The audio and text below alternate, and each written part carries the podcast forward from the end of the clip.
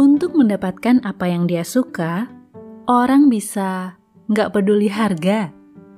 Tapi sebaliknya, harga bisa menjadi alasan untuk orang yang selalu mencari keuntungan bagi dirinya.